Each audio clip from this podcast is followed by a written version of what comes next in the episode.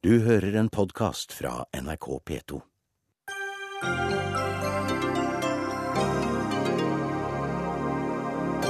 Er det IOC eller nordmenn som er arrogante?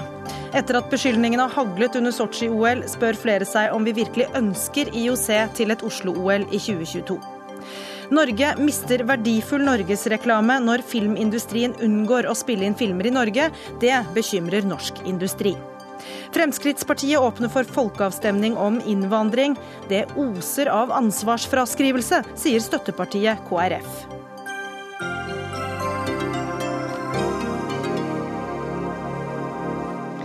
Vel møtt til Dagsnytt 18 denne tirsdagen, hvor vi også spør om når barna er store nok til at foreldrene kan reise fra dem for å lade batteriene. Jeg kan avsløre at eh, ekspertenes råd spriker. Jeg heter Gry Blekastad Almås. Det har vært en eh, god dag for Norge i Sotsji. To gull og to sølv i dag. I tillegg har Den internasjonale olympiske komiteen snudd og sagt at den skal se på regelverket for sørgemarkeringer. Og IOC-medlem Gerhard Heiberg har beklaget hvordan saken kom ut. Dette etter at Heiberg altså i går hisset på seg et helt folk med uttalelser om Norge som en arrogant nasjon. Denne Heiberg kunne dessverre ikke være med oss i dag, men vi har med oss tre stykker som gjerne snakker om eh, IOC og arroganse. Og aller først til Sotsji og Ola Bernhus, sportskommentator i Aftenposten. Eh, for å begynne da med reaksjonene på Heibergs beklagelse. Hvordan er de eh, sett fra ditt ståsted? Jeg tror vel kanskje at dette har han Han har innsett, tror jeg, at det han gjorde i går, var særdeles ødeleggende for hans oppdrag nummer to her nede, nemlig å skaffe Oslo vinterlekene i 2022. Han frontet den kampanjen på en pressekonferanse samme dag som han erter på seg nordmenn med sine uttalelser om, om sørgebåndet, og demonstrerte egentlig hva IOC står for på sitt verste. Så jeg tror Eh, det var en så svart dag at i dag ser vi tilbaketog som noe han ble eh, tvunget til i en slags eh, nød litt for seint. Vi skal ta en liten runde på dette før vi kommer tilbake til deg, Bernhus. Lasse Jangås, du er kulturredaktør i Nordlys og med oss fra Tromsø. Du ble så sint eh, søndag kveld etter å ha lest om IOCs reaksjon eh, på dette sørgebåndet at du skrev et, en rasende melding på Facebook først og senere i avisa di. Hvordan våger IOC, eh, skriver du. Hva sier du om beklagelsen i dag? Ja, For det første så, så, viser det jo at Det er jo gledelig å se da, at eh, selv IOC eh, kan eh, la seg påvirke av eh, en sterk opinion. Eh, det er jo gledelig i seg selv, det hadde jeg ikke, ikke trodd. Men, men samtidig så, så, så, stikker IOCs problemer langt dypere enn denne sorgmarkeringen. Det er jo, dette er jo en en sak som, som, på en måte var bare dråpen som fikk begeret til å flyte over for mange, og inkludert meg. Så, så jeg, jeg, jeg syns jo det er fint at man går tilbake på dette, men, jeg, men samtidig så er det så store vansker med IOC at, at, dette er ikke nok. Og De vanskene skal vi snakke om, men bare høre også med ordføreren i Oslo, Fabian Stang, som jo gjerne vil ha et OL til Oslo i, i 2022. Hva tenker du om dette engasjementet IOC har vist de siste dagene? Nei, La oss si det sånn at den, eh, den øvelsen Gerhard Teiber eh, deltok eh, i i går, den, der kom han på sisteplass. Så jeg syns det er flott at han har bedt om unnskyldning for det, men vi må jo kunne klare å ha litt flere tanker i hodet samtidig. Jeg er for å få et OL til Oslo, men det må jo forutsette at det skjer på Norges premisser, og ikke så mye på IOCs premisser. Men er det ikke IOC som legger premissene i et OL, da? Nei, jeg tror vi er kommet dit hen at eh, IOC vil forstå at den måten man har opptrådt på eh, tidligere, ikke er gangbar lenger. Jeg tror man eh, vil ha forståelse for at skal man fortsette med OL, så må prosessen demokratiseres i stor grad. Det må legges vekt på at eh, budsjettene ikke blir eh, svulmende som de har vært. At det blir eh, et down to earth arrangement, tross alt. Og et arrangement hvor man også synliggjør menneskerettigheter og de verdier som vi står for i Norge, hvor vi kan vise frem de, istedenfor at vi bare får OL i diktaturer. Og Det tror du er mulig med det IOC, som har vist seg med sine sider så langt i Sotsji? Ja, jeg, jeg, tror eh, den nye presidenten eh, er enig med oss i at det er veien å gå. Og jeg tror IOC så til de grader vil trenge den hjelp som vi er villige til å tilby gjennom eh, den måten vi skal arrangere det på. Ola Bernhus, du skriver i en kommentarartikkel i Aftenposten i dag at hvis eh, IOC vil ha folket med seg, så øh, vil få folk med seg, så må det også bli folkelig. Og det er det ikke i dag, mener du. Uh, hva er IOCs problem? Problemet er at den, eh, alt har vokst. Økonomien har vokst, privilegiene er blitt flere, prestisjen har økt hele tida. Slik at de som har vært involvert i IOC og den, den enorme virksomheten de holder på med, de har trodd at, eh, at, eh, det er de olympiske leker som skal styre verdensidretten og legger premisser som, eh, som, er det motsatte av det Fabian Stang sier. Da. Han håper på et OL på Norges premisser. Eh, jeg tror nok det er vanskelig å få til, men det er faktisk signaler innen IOC som vi snapper opp eh, her nede, som, som går i den retningen at nå har det gått for langt, og nå, nå må noen snu. Hva slags og, signaler er det du ser på det? Ja, Det er rett og slett at eh, praten går blant folk flest. Altså, når, eh, Jeg har ikke vært på så mye, for man flyr jo rundt på arenaer. Men, men jeg var nå hvert på en samling i går hvor det var noen IOC-folk. Og det er tydelig at denne sørgebåndsaken, den har alle nasjoner hørt om, og alle blitt irritert over. Og plutselig så er det blitt et søkelys på hva den illustrerer når det gjelder IOC og det å forsvare regler, rettigheter, prestisje. Så det er ikke Norge som er, eller nordmenn som er arrogante, da, hvis dette er noe alle reagerer på? Er det IOC det er, som er arrogante? Eh, Norge er slett ikke arrogant i denne sammenhengen. Jeg har inntrykk av at det er eh, utøvere og ikke minst journalister og kommentatorer fra nesten alle land har tatt opp denne saken. Det er bare å uh, søke rundt på nettet. Så det er en massivt raseri mot IOC, for denne saken symboliserer så mye som folk ønsker å bli kvitt. Det er, det er, veldig spennende det du sier, Ola Bernhus. fordi at dette har vi faktisk i Oslo jobbet med nå i, allerede i et år. Eh, hvor vi har sett dette taktskiftet som var nødt til å komme, og hvor Oslo ønsker å være med på å sørge for at det blir gjennomført eh, fullt ut. Så, så det er veldig spennende å høre på de reaksjoner som du nå får.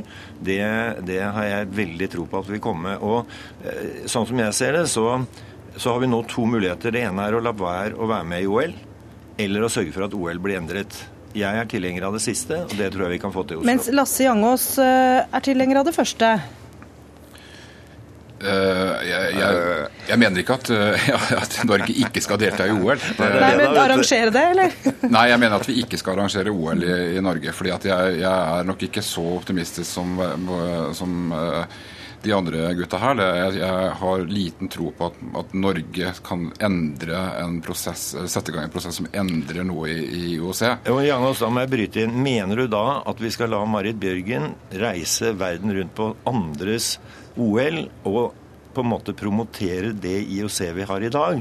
Hvis du, hvis du er prinsipiell på dette, så burde vi jo sagt vet du hva, dette er gått helt gærent, nå dropper vi å være med. Vi kan ikke gjøre liksom litt av hvert. Jeg, jeg, ser ikke, jeg, ser, jeg, jeg mener ikke at, at, det er så sort-hvitt som du sier nå. Enten så må man delta i, i, et OL, eller så må man arrangere det. Det, det er fullt mulig, mulig, å delta i et OL uten at man nødvendigvis må være arrangør. For jeg tror ikke, som du sier, at, at når, når, IOC tildeler en, en, by eh, eller et land eh, OL, så så er det i realiteten det som viser seg på, på historisk sett, er at uh, dette, denne byen og dette landet får arbeidsoppgavene og den store regninga. Og så, arrangeres lekene helt tradisjonelt på IOCs premisser. Vi har, sett, vi har sett et lite tilbaketog fra Heiberg i dag på denne sørgebindsaken. Men her har man hatt historiske muligheter eh, i forbindelse med, med lekene i Sotsji til å bruke den makten som IOC sitter på. De har en enorm makt til å påvirke disse samfunnene som skal arrangere OL. Vi har ikke sett at IOC har vært villig til å bruke sin makt til å verken endre situasjonen for homofile eller andre menneskerettigheter i Russland. Eh, vi har sett eh, dokumentarfilmer fra Sverige som viser arbeidere som bygger disse anleggene, som ikke får lønn, og som blir eh, torturert av myndighetene.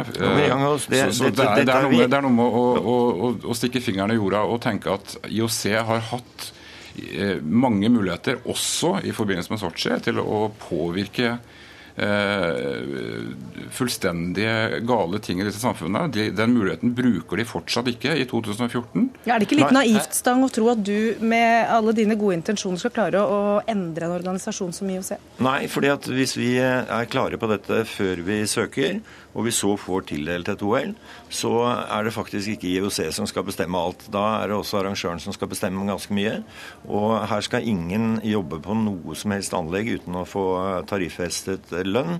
Og vi skal, skal ha en helt annen holdning til dette. Og Jangas, det kunne vært, eh, kunne vært morsomt om du ble med meg på en idé, nemlig at hvis vi fikk OL til Norge, så fortalte vi IOC f.eks. at Paralympics ikke er en parentes. Så vi vil arrangere Paralympics først. Det kunne være et bra signal. Det er den type ting vi har mulighet til å gjøre hvis vi får et OL til eh, Norge.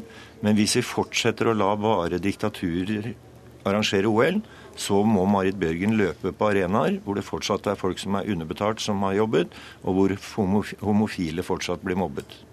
Jeg har lyst til å skyte inn noe fra, fra Sotsji her. At, Gjør det, Bernhaus. Vær så god. Slik at man ikke drar altfor langt i de signalene jeg har snappet opp. For det, det, selvfølgelig er det veldig mye av det motsatte òg. Jeg har i hvert fall hørt eh, tre taler i går som, eh, som, hyllet arrangørene for det fantastiske OL som de er i ferd med å arrangere.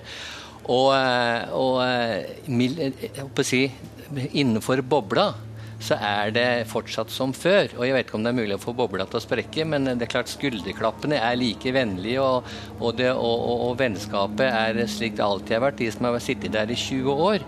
Og, eh, så det er nok det er veldig mye som de må jobbes med for at en så stor og tung organisasjon skal bevege seg i demokratisk retning. Men um, Stang har en, en uh, fin ideell målsetting her. Vi får si lykke til. Men er det realistisk? Nå tenkte jeg plutselig Nei, ikke, ikke, på, ikke, på, så kort tid. altså OL 2022 skal snart tildeles. Vi må regne med at også den prosessen vil være full av, av det vi ellers vil gjerne vil kalle kalle korrupsjon eller smøring eller vennskap eller så videre. Jeg tror 2022 eh, må nødvendigvis være prega av det IOC vi har i dag, men kanskje i litt mindre grad veldig satt på spissen eh, med hyllesttalen i går. Nå tenkte jeg plutselig på Ceaucescu, men det var vel å trekke det langt. men eh, eh, Jangås, dette at eh, våre eh, norske utøvere da er med, deltar i Sotsji og i andres eh, OL-er, da, er ikke det litt sånn snyltekultur når vi er blant verdens rikeste og kanskje også har et ansvar i å faktisk servere et OL en gang iblant? Jeg syns ikke Det synes jeg er å trekke det veldig langt. Jeg, jeg syns ikke vi eh, eh, er står ansvarlige for å arrangere et, eh, et OL i Norge. Det, det, vi, vi, kan godt si ifra. Den, den, beste måten å si ifra på at vi ikke, at IOC som organisasjon og som, som måten de håndterer sin makt på, måten vi kan si ifra om at dette, dette liker vi ikke, at OL koster 40-50 milliarder, 300 milliarder i Sotsji, det er noe vi kan si fra med, øh, og det er, kan vi si fra med at vi ikke søker om OL. Ja, um jeg er heller ikke av den oppfatning at vi snylter ved at vi er med. Er noen, så er noen villige til å arrangere OL, så er det ålreit å være med i forhold til økonomien. Men jeg er litt opptatt av ideologien. fordi at hvis vi virkelig mener at dette er en organisasjon som vi eh, ikke liker verdien til, og de arrangerer det i et land hvor vi ikke liker eh, respekten for menneskerettigheter, så, eh, så er jeg litt bekymret for om det da er riktig å delta der. Så jeg tror vi må være prinsipielle. enten så deltar vi i OL sånn som det er nå, eller så prøver vi å forandre det. Ok, Da har vi tatt eh, det poenget, og vi skjønner at du fortsatt ønsker å få OL til eh, Oslo i 2022. og Får da de kommuneansatte i Oslo lov til å se på OL i arbeidstida, hvis så skjer? Nei, der er jeg beina her. Eh, når vi jobber i Oslo kommune, så jobber vi med masse flotte folk som, som jobber for byens befolkning, og det gjør de i sin arbeidstid. Og så ser de på OL i lunsjpauser eller tar seg fri eller hva de gjør for noe, men i arbeidstiden jobber vi dit. Det er håra bud fra ordfører i Oslo, Fabian Stang. Takk skal du ha. Og takk også til Ola Bernhus i Sotsji og Lasse Jangås fra Tromsø. Hør Dagsnytt 18 når du vil. Radio NRK Radio.nrk.no. Norge må med en eneste gang få ordninger som kan lokke filmproduksjon til landet. Det mener lederen i Norsk Industri. Nå spilles mange norske filmer inn i utlandet, mens utenlandske filmer ikke kommer hit, selv om det kunne ha vært naturlig for handlingen. Og Stein Lier Hansen, leder av Norsk Industri. Hvorfor er det å få um, filmer til Norge, altså både de, de norske og de utenlandske? Altså for meg så er dette en ren næringspolitisk sak. Og eh, som på alle områder så må vi forstå at skal vi være med i globaliseringa, så må vi ha ordninger i Norge som gjør at vi kan trekke til oss globale miljøer. Eh, jeg er også leder i Ruka næringsutvikling, og nå står vi i den situasjonen at det skal spilles inn eh, flere filmer nok en gang om tungtvannssabotasjene, og for så vidt også da fokus på disse enorme, flotte industrianleggene som Hydro bygde opp. Og Da blir det helt meningsløst å oppleve at liksom det meste av innspillinga må skje i andre land. fordi at andre land, f.eks. Island, har da filmintensivordninger som trekker til seg disse store miljøene det, det, legges inn millioner av kroner gjennom en sånn innspilling. Dette kommer næringslivet til gode. Det er en voldsom vitamininnsprøytning for det lokale næringslivet. Det gir en etterbruk i forhold til turisme. Og samtidig så vil så klart den type innspillinger gi en veldig impuls til også eh, holdt på å si, de kulturmiljøene i lokalsamfunnene. Og Vi ser jo det på Island. altså De har virkelig satsa på det. Vi ser hvordan antall eh, arbeidere innenfor filmindustrien i Island har økt med flere hundre pga. at man har trukket til seg internasjonale produksjoner til Island. Og de sitter igjen med betydelig overskudd sånn rent økonomisk. for Ordningen består jo i at det kommer da produsenter. De kjøper varer og tjenester f.eks. 100 millioner, og så får de refundert 20% av det. Og det er nok til å trekke til seg disse aktivitetene. Ok, Vi skal høre fra en eh, filmprodusent, nemlig Karin Julsrud, som eh, bl.a. står bak eh, filmen 'Kongen av Bastøy', som handler om de tragiske forholdene ved Bastøy skolehjem på en øy utenfor Horten. Og da dere skulle spille inn den filmen, så ble det for dyrt å gjøre det i Norge. Hva gjorde dere? Eh, eh, startet med å reise til eh, Bastøy for å se om det var mulig å gjøre produksjonen der på den originale Bastøy, og jobbet en del med å utrede det. Parallelt så gjorde vi en scouting, som vi kaller det. Altså vi var på befaring for å finne andre muligheter i Norden i første omgang, og senere utvidet vi det. Og vi endte opp i Estland, hvor vi filmet og gjorde hele den filmen, og bygget vårt eget Bastøy der. Og selvfølgelig av den grunn som eh, nettopp ble nevnt, at eh, det er eh, billigere. Nå var det ikke skatteinsentivordninger i Estland, men, men, det var andre muligheter som gjorde det rimelig for oss å gjøre produksjonen der. Vi har nettopp vært gjort en annen film i USA hvor vi har nytt oss av skatteinsentivordninger og fått tilbake, som nettopp ble nevnt også, 20% av de pengene vi har brukt av staten Massachusetts har, ja. Tenker du at den, eh, disse filmene ville sett annerledes ut hvis dere hadde hatt råd til å spille dem inn i Norge? Jeg, jeg syns ikke det er det viktigste. Det viktigste er at man må begynne å se på filmproduksjon ikke bare som eh, kultur, men som næringsvirksomhet. Og da må, man, eh, da må man legge til rette for at vi driver med næringsvirksomhet og lage ordninger som gjør at både vi som norske filmprodusenter har muligheten til å gjøre filmene våre her, og gi arbeids arbeidsplasser til filmarbeidere. Vi har en haug med dyktige filmarbeidere her i landet, og kan helt sikkert uh, få flere. Uh, I dag så reiser vi utenlands både for å produsere film og også for å gjøre etterarbeid på filmene våre, fordi at vi, uh, vi får så vesentlig mye billigere tilbud andre steder enn i Norge. Takk skal, ja, Du hadde et poeng til? Nei, altså Hvordan de ser ut. Det er klart at det hadde jo vært hyggelig å kunne filmet og gjort filmene her. Det er hyggelig å kunne lage barnefilmer i norsk, i norsk, natur. Det er hyggelig å kunne bruke Vi har fantastiske locations i dette landet. Det er også synd at ikke vi bruker det til å trekke til oss uh, altså filmproduksjonen fra utlandet. Så mange som ville kunne være interessert i å komme hit og gjøre filmproduksjon, istedenfor at vi også tar andre steder i våre filmproduksjoner. Mm. Så ja, vi hadde kunnet uh, hatt nytte av det også, også turistmessig. Uh, vise fram landet vårt på en annen måte enn det vi får muligheten til i dag. Dette er næringspolitikk for dere, hører vi. Eh, vi har allikevel invitert en kulturpolitiker, Knut Olav Åmås, som er statssekretær i Kulturdepartementet, fordi da filmindustrien på en måte ligger til dere. Eh, hva tenker du om eh, disse tapte mulighetene? Ja, altså vi driver med kulturnæring, kultur som næring også, så det er helt naturlig at jeg er eh, av, av den grunn. Veldig fint at Stein Lier Hansen og Karin Julsrud eh, tar opp uh, dette temaet. Uh, det er jo to temaer. altså Det er utenlandske filmproduksjoner, hvordan trekke de til Norge, og så er det hvordan beholde norske filmproduksjoner i, i Norge. Og Begge deler er like viktig. Vi har en sterk filmpolitikk i Norge. Uh, tre kvart milliard kroner i offentlig, altså statlig støtte bare hvert år. Likevel kommer vi altså i den situasjonen at, at vi har problemer med å holde på enkelte produksjoner i, i, Norge. Og Det skyldes jo at Norge er et høykostland. Eh, vi har masse dyktige filmfolk, men likevel er det for fristende for en del produsenter å produsere i utlandet. Og, og når eh, andres lavere kostnadsnivå kommer hånd i hånd med insentivordninger, det kan være skattefradrag, det kan være direkte kontanttilskudd til produksjoner i land som Island og Irland, så, så, får Norge rett og slett problemer litt med å konkurrere som filminnspillingsland. Og Hvor stort tap eh, mener du at det er for Norge? Eh, vi skal se på hva vi kan, hva vi kan gjøre av kalkyler på det, det, det er sannsynligvis um, veldig store summer i verdiskaping som vi går glipp av på den måten. Og vi går glipp av Norge som location for film. Så dette har vi tenkt å gjøre noe med. Ja, Hva vil dere gjøre med det? Uh, vi, vi uh, holder på akkurat å utrede en, en ganske rask eh, insentivordning nå. Altså Vi utreder en mulig ny insentivordning, ser hva vi kan få til. Den skal være klar allerede om et par måneder.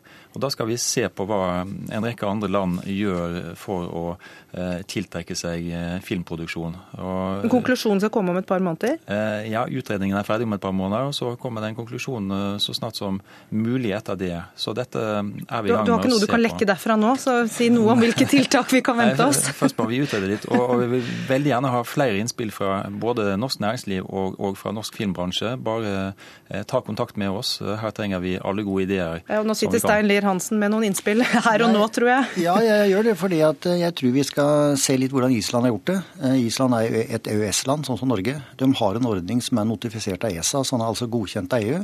Og de har eh, virkelig lykkes. Altså, De har trukket til seg enormt store produksjoner. Ta Tommy Wirkolas produksjon 'Død snø 2' f.eks. er spilt inn der. De har økt antall filmmedarbeidere på Island fra 300 til 800 fra, i løpet av to-tre år.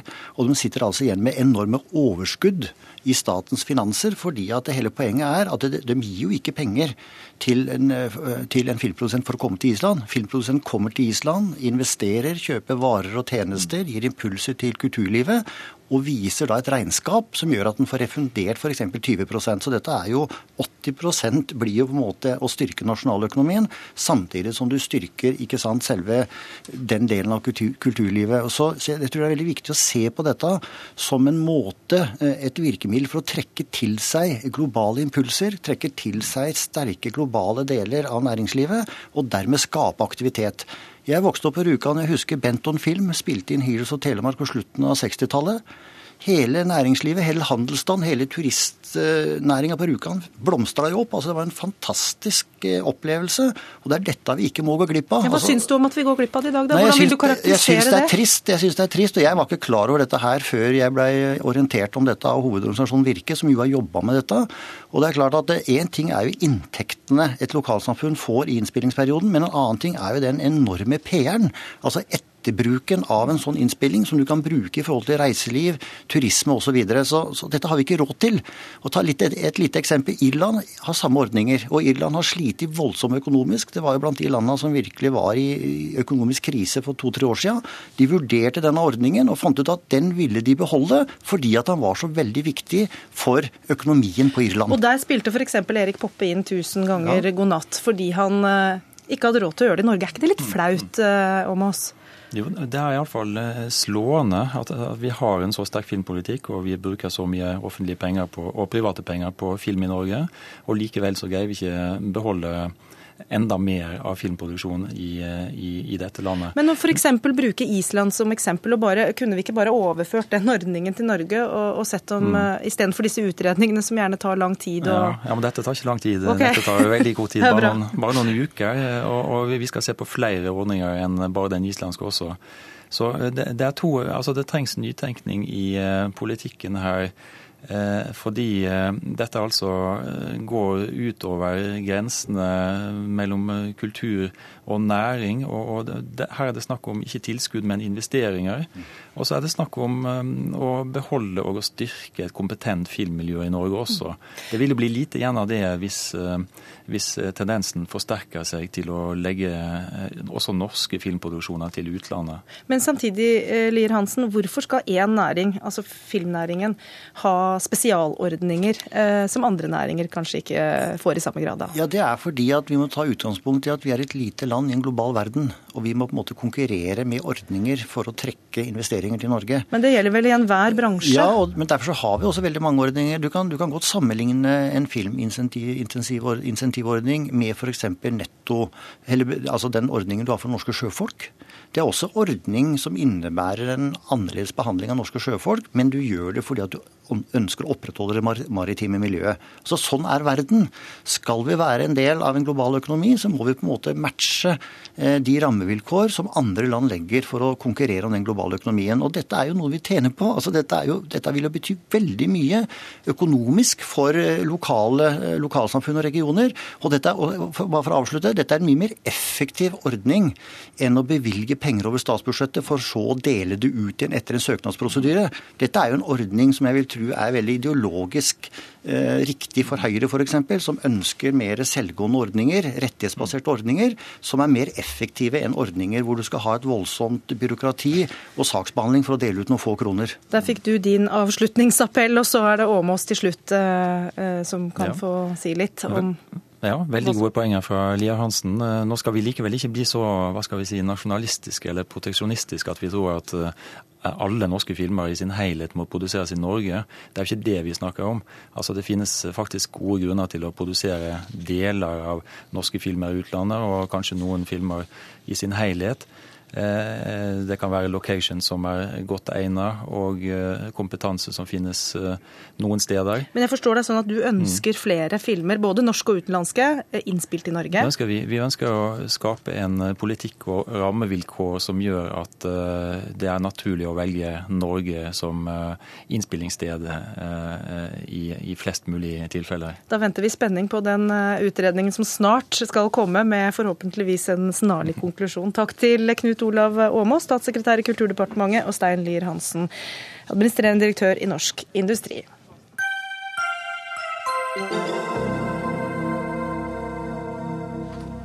Regjeringen vil eh, kutte formuesskatten, og eh, nå skal jeg komme med en del tall. Eh, og det skal liksom illustrere noe, så bare heng med. Altså 12 000 innbyggere i tre små nabolag i Asker og Bærum får like mye i skattelette som 211 000 innbyggere i de 141 kommunene med minst formuesskatt, hvis regjeringen fjerner formuesskatten. Det er det Aftenposten som har regna ut. Innbyggere på Nesøya, Snarøya og Jar kan i så fall se fram til et samlet skattelette på rundt 327 millioner kroner. Og Marianne Martinsen, eh, medlem av finanskomiteen for Arbeiderpartiet. Hva illustrerer disse tallene? Nei, Litt eh, tabloid sagt da, så ble det plutselig veldig enkelt å forstå hvorfor Høyre og Frp har nærmere 80% oppslutning i enkelte nabolag. Men, eh, men, det det først og fremst illustrerer, er jo at skattesystemet fungerer når det gjelder å sørge for fordeling mellom folk. Eh, og Et av de eh, formidable resultatene som står igjen etter åtte år med rød-grønn regjering, det var jo at vi klarte å redusere inntektsforskjellene mellom folk. Og Det er faktisk veldig spesielt, hvis vi ser på hvordan utviklingen har vært i alle nabolandene våre. Og Det var jo ikke sånn at det bare snudde plutselig på magisk måte av seg sjøl. Det snudde jo fordi at man brukte skattesystemet aktivt til å omfordele. Og formuesskatten sto helt sentralt i det. Eh, man stramma til i toppen på, på formuesskatten. Eh, Sørga for at også de aller mest formuende i Norge betaler skatt. De betaler skatt som aldri før. Det gjorde en del av det ikke tidligere. Eh, og økte bunnfradragene for vanlige folk. Så Dette har vært en suksesshistorie i kampen mot inntektsforskjeller. Ja, og denne regjeringen gjør det motsatte. Er dette liksom omvendt Robin Hood-taktikk, Gjermund Hagesæter? Du er finanspolitisk talsmann i Fremskrittspartiet. Ja. Det som jeg vil si, er at Hvis man går ned på mikronivå, slik som Marianne Martinsen og Arbeiderpartiet her gjør, så er det klart at eh, hun får nok mange sympatisører som liksom kan være enige. Og, og går kun på dette på omfordeling, altså at de rike de må betale mer, og de fattige de må liksom få beholde. Men skaper det ikke større forskjeller, jo, den ordningen jo, dere men altså skattesystemet har andre funksjoner enn å utjevne forskjeller. Sånn at hvis du skal gå ned på mikronivå og diskutere dette, så kan man, er det forskjellige meninger om det er fornuftig å ta den vekk eller ikke. Men går man litt et overordna nivå, og så stiller man spørsmålet er det fornuftig for norsk verdiskaping, for næringslivet i Norge, at vi har for, formuesskatten, vil det trygge arbeidsplassene ved å ha formuesskatten, så er svaret nei. Det er ikke fornuftig, og det vil medføre at arbeidsplassene litt etter litt blir eh, mer usikre, og vi kan miste Hvordan sikrer du disse arbeidsplassene ved å, å fjerne jo, fordi det som er Poenget er at når eiere, når den bedriftseiere de har, får formuesskatt, så er det ikke slik at de har en, en sånn konto så de kan trekke formuesskatten eh, fra. De må trekke formuesskatten ut av bedriftene. De må svekke bedriftene gradvis eh, ved å ta ut formuesskatt. Og så er det også den forskjellen mellom da, eh, norskeide bedrifter, de må betale formuesskatt, mens utenlandseide bedrifter i Norge de slipper altså formuesskatt. Slik at denne formuesskatten vil altså gradvis også medføre at eh, utenlands eierandel i Norge blir styrka, og man vil få altså en gradvis forsterking av utenlandske eide norske bedrifter og mindre norske eide bedrifter. Så nå er jeg grunnleggende uenig i at fordelingspolitikk er noen sånn mikrogreier som, som ikke er verdt å diskutere. Men jeg diskuterer gjerne de næringspolitiske effektene av dette her. Fordi at dere har en næringspolitisk begrunnelse for dette forslaget som ikke holder. Og, og, etter å ha kjørt en hel valgkamp som har dreid seg om at dere skal fjerne formuesskatten for å styrke små og mellomstore bedrifter, for å motvirke todeling i norsk økonomi, så viser jo den oversikten som Aftenposten har laget i dag, at man først og fremst vil styrke økonomien til noen privatpersoner på noen få postadresser. Men nå er det bedriftene han Det- det ønsker Ja, å være ja du, du refererer til bedrifter, men dette Ja. er først og fremst en eh, personskatt. Ja, men- og det fins knapt en skattyter i Innlandet, f.eks., hvor, vi- hvor, du ja, virkelig altså, har- hvor du virkelig har økonomisk utfordrende forhold, det- som er betaler ikke- Nå må du la deg bare snakke ut, og så skal du få formuesskatt. Og Hvis man vil gjøre noe bra for norske bedrifter, så er det veldig lite treffsikkert å gå veien om en personskatt. Vi er ikke imot å bruke skattestimulanser. Vi reduserte f.eks. selskapsskatten i vårt 2014-budsjett. Okay, og så det går direkte på eh, bunnlinja til bedriftene som sliter. Det som jeg bare vil si at Alle tall viser at når formuesskatten skal betales av bedriftseierne, så bruker man da hovedsakelig å trekke ut kapital i form av utbytte fra bedriftene. Altså man svekker bedriftene. Og så er det altså den urimeligheten at hvis det er to bedrifter ved siden av hverandre, begge har en ligningsformue på 100 millioner, eh, så er den ene eid av en norsk eier, den andre eid av en utenlandseier. Den som er eid av en norsk eier, må betale altså 1 million i formuesskatt, mens den som er eid av en utenlandseier, slipper formuesskatt. Men hvis du- og, derfor, hvis du- og dette hvis er fjerner- 1 million hvis- for hvert eneste Hvis, år. hvis du fjerner formuesskatten, kan ikke da den bedriftseieren bare ta ut eh, en høyere uh, utbytte, da? Og så Ja. får han på en måte dobbel gevinst? Nei, alle, alt viser dette her at uh, det er ikke slik det fungerer. Dette er altså en, en, Hva er det som viser at det ikke fungerer? Ja, altså Det viser det at alle, alle tall viser at for å finansiere formuesskatten, så trekker man ut ekstra utbytte, i tillegg til den, den private utbytten som man har, har tatt det ut tidligere. Ok, Martinsen. Men vi har jo studie på studie som viser at det Hagesæter sier her, er feil. En, eh, NHO f.eks. bestilte jo selv en studie som Menon utførte, som konkluderer med at det er ca. to av 100 som såkalt tapper bedriften sin. Og det, er, og det er absolutt ikke gitt at når man tar penger ut av en bedrift, så gjør man det for å betale formuesskatt. Det kan også være for at man skal kjøpe et nytt hus eller en ny hytte. Så de konkluderer med at færre enn én av 100 tapper bedriften for å betale formuesskatt.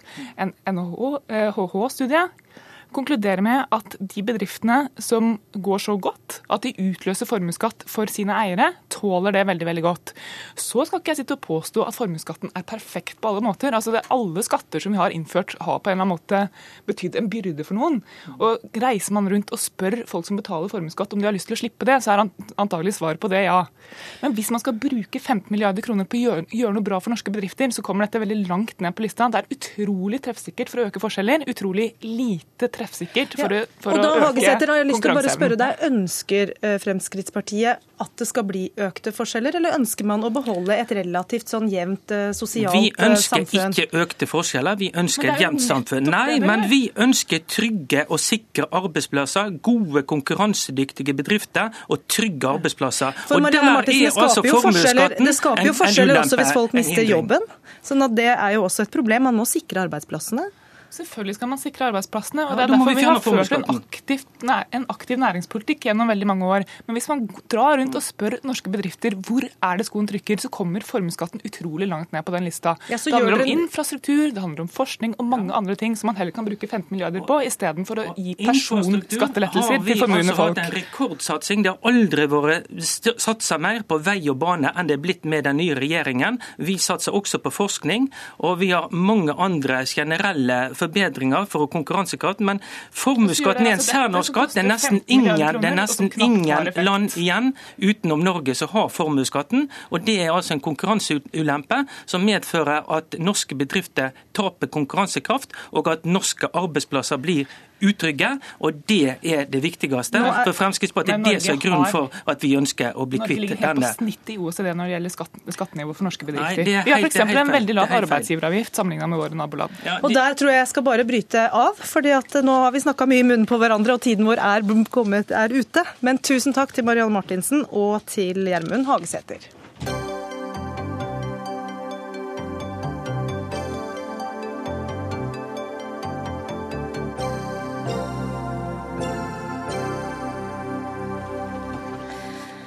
Skal vi eh, avholde folkeavstemning om innvandring i Norge, er neste spørsmål her i Dagsnytt 18 idet klokka er blitt fem over halv sju. Men eh, først så ble det lagt fram eh, nye innvandringstall fra UDI i dag. Og aldri før har så mange asylsøkere fått bli i Norge som i 2013. Men det betyr ikke at det er blitt lettere å få opphold, sier du, Frode Forfang, direktør i UDI. Eh, hvorfor ser vi da den økningen? Ja, dette henger sammen med hvem det er som kommer som asylsøkere til Norge. Eh, en større del av de som kommer, er folk som har et beskyttelsesbehov, og da får flere innvilgelser. Vi har hatt tidligere perioder hvor en mye større andel har vært folk som ikke har beskyttelsesbehov, da øker avslagsprosenten. Så, så det har sammenheng med det, og ikke at eh, det å få asyl har blitt lettere nå enn det var før. Eh, men det er altså eh, hvem som kommer som, eh, som eh, gjør utslag her. Er det også flere som kommer og søker asyl i utgangspunktet?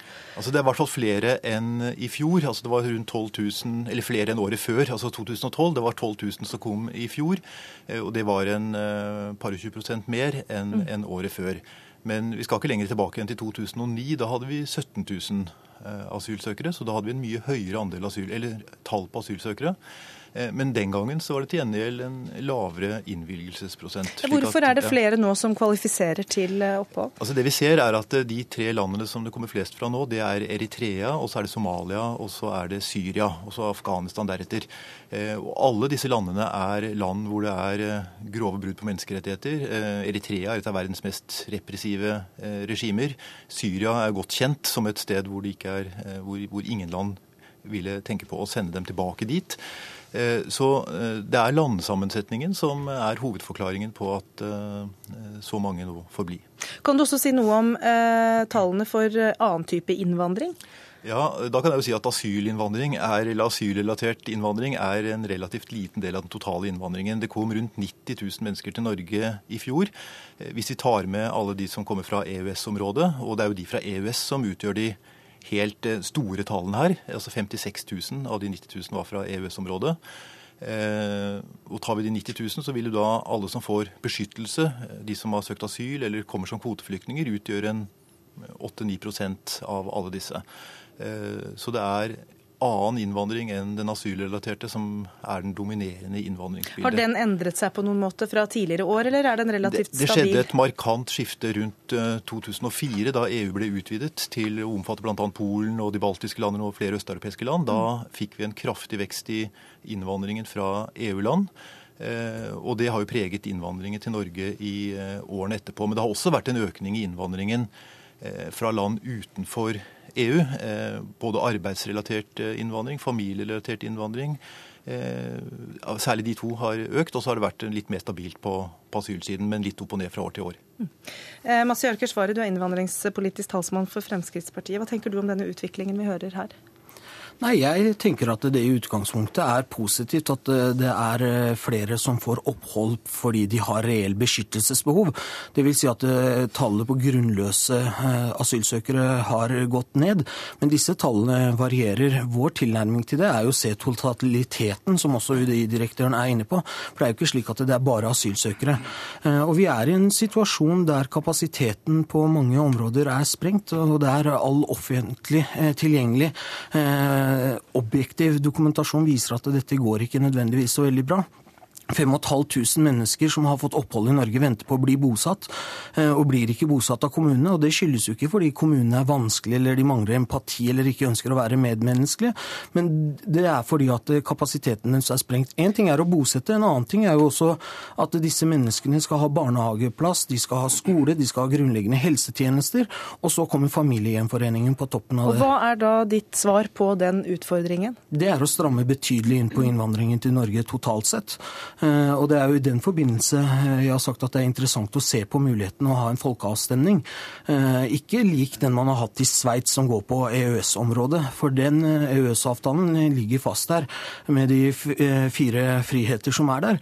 Men med den med, med, den farten innvandringen har hatt i Norge, og de enorme konsekvensene det har hatt for det norske samfunn, Finansavisen hadde jo en grundig gjennomgang av Statistisk sentralbyrå sine tall, som viser at i løpet av bare syv år så hadde man brukt 70 milliarder kroner på innvandringen, pluss over 300 milliarder kroner Men så finnes det også undersøkelser som viser at innvandrerne lønner seg, eh, hvis du ser på hva de koster imot eh, hva de Ikke totaliteten, det er nettopp det man har gått igjennom de tallene. Men, men bare, for, bare, for, å komme tilbake til det forslaget ditt om, om folkeavstemning, så lurer jeg på hva er det vi da eventuelt skal stemme ja eller nei til, konkret? Eh, antallet og takten på innvandringen eh, til Norge. Så, så det vil være, en, det være et spørsmål om hvor mange Eh, i antall tusen eller hundre? Eller? Nøyaktig spørsmålsstillingene eh, får vi jo eventuelt da utrede og se nærmere på. Men hovedtingen som man skal ta standpunkt til, er om vi skal fortsette innvandringen i samme takt som det har vært i dag, med de konsekvensene det har hatt økonomisk eh, og sosialt for det norske samfunnet.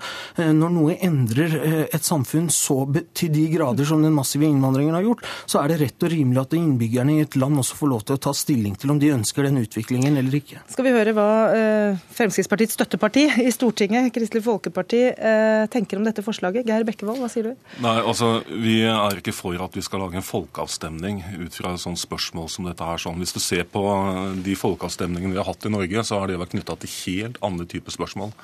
Og I moderne tid så har vi hatt to folkeavstemninger. Det var 72 EF og 94 EU.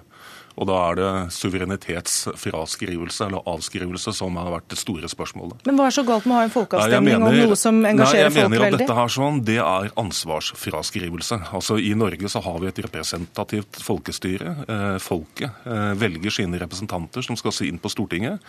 Og det er vi som lovgivende eh, forsamling som er satt til å ta de beslutningene der. Og det å skyve dette ansvaret ned på folket igjen, det mener jeg ikke er en klok måte å håndtere dette her på. Nå er det ikke slik at Fremskrittspartiet har foreslått folkeavstemning over en lav sko og i hytt og gevær overalt. Eh, men vi mener prinsipielt, og det står i vårt prinsipp- og handlingsprogram, at vi ønsker bruken, økt bruk av folkeavstemninger. Og det er jo noe av det mest eh, ydmyke eh, en politiker kan gjøre, nemlig å overføre direkte makt til velgerne og borgere i et land. Og si at det i store spørsmål, spesielt i spørsmål som, som det er skille, altså på tvers av partiskillelinjer, linjene, så vet vi at det er en annen oppfatning i befolkningen. Langt innad i Høyre og også Arbeiderpartiet så fremkommer det av meningsmålinger at man mener at eh, innvandringspolitikken burde vært strammet inn. Det å overføre makten på en overordna nivå og si skal vi fortsette på denne måten, eh, skal det fortsette i samme takt som i dag, det er jo ikke noe ansvarsfraskrivelse å lytte til befolkningen og overlate makt til befolkningen. Folket har makt i dag. Vi har en form for folkeavstemning hvert fjerde år. Da har vi valg. Og er velgerne misfornøyd med den jobben som vi gjør på Stortinget, så har de mulighet til å si, si klart ifra der. Men hvordan skal eh, dere løse dette, da? Eh, folkeavstemning eller ei? Det, Fremskrittspartiet ønsker en innstramming i innvandringen. Hvordan tenker Kristelig Folkeparti at man skal bli enige om det? Ja, altså, Da må vi bestemme oss for hva er det vi skal diskutere. Vi har, vi ja, færre, færre innvandrere ja, ja, til Norge. Vi har, vi har samtidig noen internasjonale forpliktelser forpliktelser som vi har skrevet under på. Eh, skal vi melde oss ut av verden og på den måten forhindre at mennesker kommer over grensene våre? Skal vi melde oss ut av EØS-samarbeidet? Eh, altså, hvordan, hvordan, har man tenkt å håndtere det? Og et annet spørsmål det er liksom, hva har Frp tenkt å bruke denne folkeavstemningen til?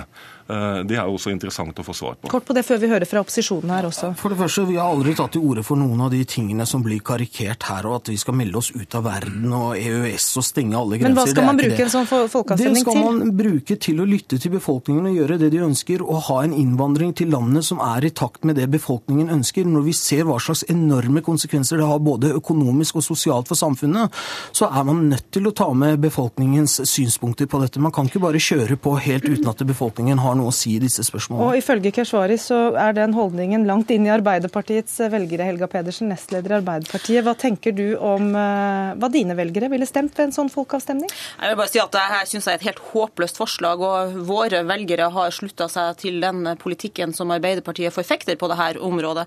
Og Jeg registrerer jo også at Fremskrittspartiet i regjering viderefører den politikken som Arbeiderpartiet, SV og Senterpartiet førte i regjering. For så langt har de ikke forandra på et komma i den innvandringspolitikken som vi sto for eh, i åtte år. Så jeg vil jo anbefaler Keshvari at man begynner med en folkeavstemning i Fremskrittspartiet. For man snakker om at man skal bli tøffere og strengere og gjøre ting på en helt annen måte. Men så langt så har man altså ikke kommet seg ut av startgropa. Og jeg vil også si at uh, det er uh, Den innvandringspolitikken vi fører uh, i dag, skal jo ta hensyn til tre ting. For det første så skal vi gi beskyttelse til folk som trenger det, bl.a. de krigsramma i Syria som nå er på flukt. Vi kan ikke ta ansvar for alle i Norge. Men, men det er ikke de han vil ha færre av, det har han Nei, da, sagt. Og da er spørsmålet hvem er det han på en måte vil til livs her? For vi trenger jo også arbeidsinnvandring. Når det kommer polakker og arbeidstakere fra tredje land til Norge, så er det jo fordi at norske bedrifter har, har fortsatt et stort behov for arbeidskraft med de konjunkturene vi har i Norge. Og vi ser jo også at på sykehjem og i offentlige tjenester for øvrig, så hadde man ikke klart å holde hjulene i gang uten at det kom arbeidskraft fra andre land. I den landsdelen jeg kommer fra, så har vi nå en all time high når det gjelder befolkningsvekst. Og Det skyldes ikke minst at det kommer folk fra andre land for å satse på en fremtid i eh, Nord-Norge. Og Det tredje elementet her er jo nettopp det som Bekkevold også snakka om, EØS-avtalen. For Hvis vi skulle komme på sveitsiske tanker og si at nei, nei, nå skal vi ikke slippe inn flere, da får det også konsekvenser for nordmenn som vil bo, jobbe og leve i andre europeiske land. Er dette et gjennomtenkt forslag? forslag? Ja da. I tillegg så vil jeg si at vi i Fremskrittspartiet ser et fjerde punkt Eh, som eh, Arbeiderpartiet og Helga Pedersen eh, ikke ser. og Det er nemlig at det skal være bærekraftig, og det skal gi de menneskene som kommer hit, en reell mulighet til å lykkes, og, det, og at det ikke blir en byrde. Men er du sikker på at du har støtte i eget parti for å av, altså ja, gå så langt som til en folkeavstemning på dette temaet? Vi, vi har foreslått det tidligere, men jeg er nødt til å få svare på noen av utfordringene. Det tar mer enn 110 dager å utmeisle ny ø, politikk på dette området. og Dersom Helga Pedersen hadde tatt seg bryet verdt med å lese samarbeidsavtalen og regjeringsplattformen, så ser hun at det er en rekke punkter punkter på innvandringsspørsmålet. De punktene har vi sagt at vi skal eh, i dialog med våre samarbeidspartnere se på eh, hvordan vi skal gjennomføre de punktene i, praksis. Men det høres ut som du får store problemer med å få med deg Kristelig Folkeparti på en folkeavstemning her. Ja, ja, det er jo helt greit. Det er jo ikke en av punktene i samarbeidsavtalen. Men dere er avhengig av støtten deres? Det er, jo, det er jo lov å tenke nye tanker selv om det ikke står der. Men dere er avhengig av støtten deres for å få dette gjennomført? Ja, ja, men Fremskrittspartiet har bestandig vært innovatørene og premissleverandørene i innvandring, asyl- og integreringsspørsmål. Selv om det er, det er urealistisk ikke, å få det, til i praksis? Nytt. Altså, Fremskrittspartiet har vår politikk vi, uh, på, på, dette feltet, og det har vi bestandig hatt, og det kommer vi til å fortsette å ha. Men det jeg lurer på når jeg hører Helga Pedersen, er hvorfor har hun så grunnleggende mistillit til det norske folk? Hvorfor frykter hun så inderlig at det norske folk skal kunne si sin mening på dette politiske fagfeltet? Hvis det er sånn at det er hennes velgere og tillitsvalgte som har kommunisert veldig mye rart i løpet av de siste åtte årene, er så på linje med henne. Svar på det kjapt, Helga, så skal vi ta disse andre gutta her òg. Jeg har stor tillit til det norske folk, og jeg har stor tillit til at det norske folk klarer, å, klarer å ta stilling til en rekke kompliserte spørsmål gjennom de valgene vi gjennomfører til Stortinget hvert fjerde år. Og det norske folk bør også ha tillit til oss som politikere, at vi klarer å utforme innvandringspolitikken ut ifra det mandatet de har eh, gitt eh, oss. Men Geir Bekkevold, eh, Kommer dette overraskende på Kristelig Folkeparti? Dere har valgt å, være et støtteparti for dem. De har programfestet at de vil ha folkeavstemninger, og vi vet jo hvordan innvandringspolitikk de fører. Da, Det er ikke overraskende at Frp tar til orde for folkeavstemning. Vi kjenner partiet, og, og dette har de også gjort før i andre spørsmål. Eh, men eh, når de skal bruke dette som et eh, grunnlag for å stramme inn, så vil jeg bare minne min kollega på at vi sitter jo nå i forhandlinger om en, en asylavtale. Og jeg tror vi skal ta den debatten der uten å trekke inn helt nye elementer som ikke har vært en del av grunnlaget for, for, for de diskusjoner som vi har nå i dag. Så eh, det er liksom noe med å forholde seg til eh, det vi har blitt enige om, og så kanskje ikke spille ut alle andre kort samtidig. Men jeg har bare lyst til å si også, fordi jeg har lyst til å følge opp det her med Helga Pedersen. Nå sitter Keshvari i den samme komiteen som jeg satt i forrige periode, i kommunal- og forvaltningskomiteen. Og du kommer til å få gleden av å reise rundt i hele Norge og besøke ikke minst distriktskommunene. Og der vil du nok se at synet på arbeidsinnvandring og innvandring er noe helt annet enn kanskje her i Oslo. For da vil du møte distrikter som har hatt veldig behov for, eh, for den type tilflytting og ikke minst den type arbeidskraft. Virker som du har valgt feil parti å samarbeide med akkurat på dette Nei, da, punktet. vi skal, vi, skal, vi skal, få til eh, gode Keshvari, veldig kjapt svar på det. Ja, vi, skal, vi skal samarbeide godt, og det er ikke nye element. Bare la meg minne om hvordan dette ble aktualisert. da. Det var en folkeavstemning i, eh, i Sveits, og vi ble spurt om vi kunne tenkt oss å se på det. Det er ikke sånn at vi dro fram dette som en del av forhandlingene. Oh, ja, så du mener det egentlig ikke så veldig? Jo da, jeg gjør det, fordi vi har foreslått det tidligere, og vi har programfesta det. Og når vi da blir spurt, så har vi sagt ærlig, vi ønsker ikke konkret nøyaktig den samme folkeavstemningen som har vært i Okay. Sveits, men det okay. er noe vi har foreslått tidligere, og det er en del av vår Til slutt så vil jeg veldig gjerne høre. Keshvari, jeg har lyst til å høre hva direktøren for UDI, som da i dag sitter og på en måte bestemmer over hvem som skal få lov til å, å komme inn i Norge og ikke. Hva tenker du om at folket skal få bestemme antallet her? Jeg synes det er litt rart om jeg skulle ha noen mening om eh, folkeavstemning eller ikke. Jeg, eh, vår oppgave er faktisk å forholde oss til det regelverket som vi får fra storting og regjering. Eh, Og det Men er folket skodd til å ta en sånn avgjørelse som folk? Det, nei, det, det vil ikke jeg ha noen som helst slags mening om. Eh, Vi har som oppgave å iverksette den politikken som eh, de politiske myndighetene bestemmer, og, og det er vår oppgave også for de bestemme seg om vi skal ha folkeavstemning eller ikke. Ja, OK. Takk skal du ha, og takk til alle sammen.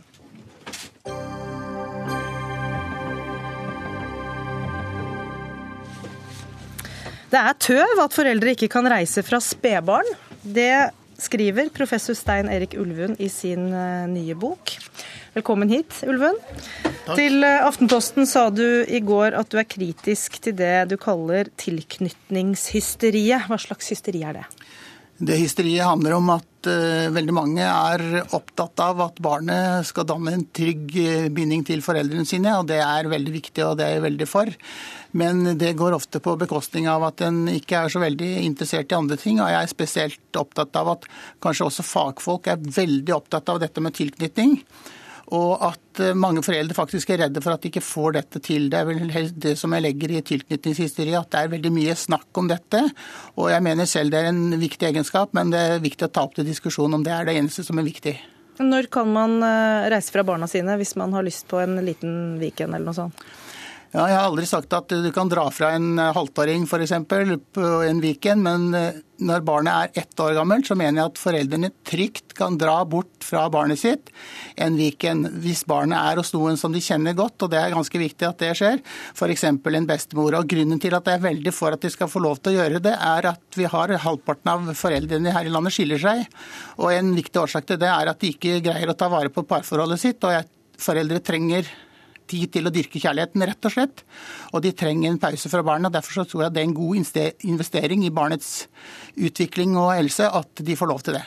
Barnepsykolog Elisabeth Gerhardsen, du har skrevet flere bøker om, eh, om barneoppdragelse. og Du mener at foreldre skal passe seg for å dra for lenge fra barna da når de er veldig små. Hvorfor det? Fordi at jeg er opptatt av noe mer enn bare om tilknytningen blir skadd. Tilknytningen er et mål på hvem barnet søker etter når barnet er engstelig eller redd eller urolig eller har smerter. Og det er det ikke så lett å skade ved å dra bort. Men mens du er borte, så i hvert fall hvis du er lenge borte, så vil det lille barnet, altså la oss si en unge på tolv måneder, ikke nødvendigvis føle seg så sikker på at du kommer til å komme tilbake igjen hvis det begynner å bli snakk om flere dager, kanskje en langhelg. Og at det er det ubehaget barnet føler, som jeg er opptatt av at man skal prøve å unngå ved å vente med å dra bort til barnet blir kanskje halvannet, eller kanskje kryper mot to. Kunne man ikke se motsatt på det òg? At man kan vende barnet til at man er borte? Sånn at uh, man er forberedt på at uh, det betyr, når de reiser bort, så betyr det at de kommer hjem? Ja, altså min, jeg har jobbet som barnepsykolog nå i snart 26 år, og min erfaring med foreldre som prøver å presse små, altså babyer og småbarn til å tåle lenger fravær enn de kanskje er utviklingsmessig skodd for eller klare for, får et barn som da blir mer utrygt. Noen viser ikke, men, inn, men at de føler seg utrygge og usikre. Så du kan tjene ganske mye på å vente med den langhelga, men ta deg gjerne småpauser. Jeg er veldig for det samme som ulven, at foreldre skal få tid til å pleie kjærligheten. Dette er meningsløst. Barn de danner en eh, tilknytning til foreldrene sånn i syv månedersalderen. Og det vil si at når de er ett år gamle, så begynner de fleste å bli ganske trygge. Og da syns jeg det er veldig ille at Elisabeth Gerhardsen gir foreldre så innmari dårlig samvittighet som det hun gjør. fordi at jeg har fått mange mailer og forespørsler i forbindelse med dette her. Det er veldig mange som har lyst til å dra bort. Og de føler at de nærmest er kommet i fengsel når de har fått et barn, og at de skal være der i 18 måneder. Dette er helt vilt. Det finnes ikke noe teori eller noe forskning som underbygger at barn tar skade av om de skulle savne foreldrene sine litt i løpet av en helg, så kommer de tross alt tilbake. Og barn har heller ikke et tidsperspektiv perspektiv, så dette er veldig lite hold i det hun sier. Det er rett og slett ren synsing, og jeg syns det kun er egnet til å gi foreldre dårlig samvittighet. Synsing, Gerhardsen? Ja, jeg syns det var ganske drøye ord. Altså, Tilknytningsforskninga forsker med ganske grove mål. Den forsker på hvorvidt barn slutter å foretrekke sine foreldre. Og det er ikke det jeg snakker om. Jeg snakker ikke om at tilknytningen blir skadd, jeg snakker om hvordan barnet opplever dette fraværet. Og jeg har vært borti mange foreldre som forteller meg f.eks. For at de var nødt til å reise bort en uke pga. dødsfall. Opplever når, til, når de kommer tilbake at barnet er klengete, urolig, engstelig i ukevis. Og jeg pleier å sammenligne det med at du har en kjæreste som du tror går ut med søpla, og så blir han borte hele helga. Og du, når han da kommer tilbake, så reagerer du med å bli både letta og rasende, og vil bli veldig sånn mistenkelig hver gang han går ut døra. Og det er dette, denne uroen hos barnet jeg er opptatt av at man skal prøve å skåne barnet for. Men dette er ikke et råd som er slik at hvis du ikke følger det, så er det dømt til å gå galt. Jeg pleier å samle litt med røyking. Alle kjenner noen som har røkt i 70 år, og som er sprek og som en gyngehest. Men hvis du vil være sikker på at du får en god helse, så er røyking noe som er litt dumt å starte med. Så drøy langhelga. Ta gjerne en dag, ta en overnatting, ta kanskje en Gjerne hver dag og reis bort noen timer, men vent med langhelg for å, føle deg på den sikre, for å være på den sikre siden. Ulven, uh, er det en uh, menneskerett å kunne reise på kjærlighetsferie når man har valgt å, å få barn? Det er tross alt et ansvar man velger å, å, ha? Nei, det er ikke en menneskerett, men det er veldig viktig at en legger til rette for et familieliv som gjør at det kan fungere. Men er vi blitt for kravstore til det familielivet? Ja, det tror jeg at mange kan gjøre. Og jeg mener ikke at hun skal reise bort eh, hver eneste helg, men dette er snakk om å ta en tur en gang iblant for å kose seg litt. Og det mener jeg absolutt at det ikke er hold i å si at et barn tar skade av, og at det tar, får langtidskonsekvenser. Og det er akkurat dette som er hele problemet. Jeg har jo skrevet en bok om, om, om, om ekspertvelde, som gir råd i hytt og pine i alle mulige retninger. Og de rådene som eh, eh, Elisabeth Gerhardsen gir, det er nettopp et eksempel på det å spre usikkerhet. Men du gir jo også råd, og nå blir man jo veldig usikker på hvem av ekspertene man skal lytte til. Hva, hva, skal man, hvis man skal prøve å være litt sånn Hvis man er forelder i en sånn situasjon, hva gjør man? Ja, Da skal du bruke din egen magefølelse. og Derfor så jeg ikke sier at de skal lytte på meg. Jeg sier at foreldre skal tenke selv og gjøre det de selv føler er riktig. Og hvis jeg sier noe som de syns de ikke vil følge, så skal de selvfølgelig ikke høre på meg, men det bør i hvert fall heller ikke høre på Elisabeth Gerhardsen. så ingen grunn til å lese noen av bøkene deres? Nei, det er stor stol på deg selv. Altså Foreldrene har veldig god grunn til å stole på seg selv. Og jeg mener at i vanlige familier, det er det vi snakker om nå, snakker ikke om risikofamilier der det er problemer. Vi snakker om vanlige familier med vanlige barn uten psykiske problemer hos foreldre eller alkoholmisbruk eller annet misbruk. Der er foreldrene de beste ekspertene på egne barn, og de kan godt stole på sin egen magefølelse. Gerhardsen, er det ikke sunt også for barna å, å kjenne følelsen av savn, og deretter glede ved, ved gjensynet? Nei, Jeg tror ikke man, at det er sunt å kjenne savn når du er kanskje 12-13 måneder utover noen timer. Barnehageopphold, helt greit. Men når vi begynner å snakke om flere dager, så mener jeg at man skal prøve å unngå at barnet går rundt og savner over lengre tid.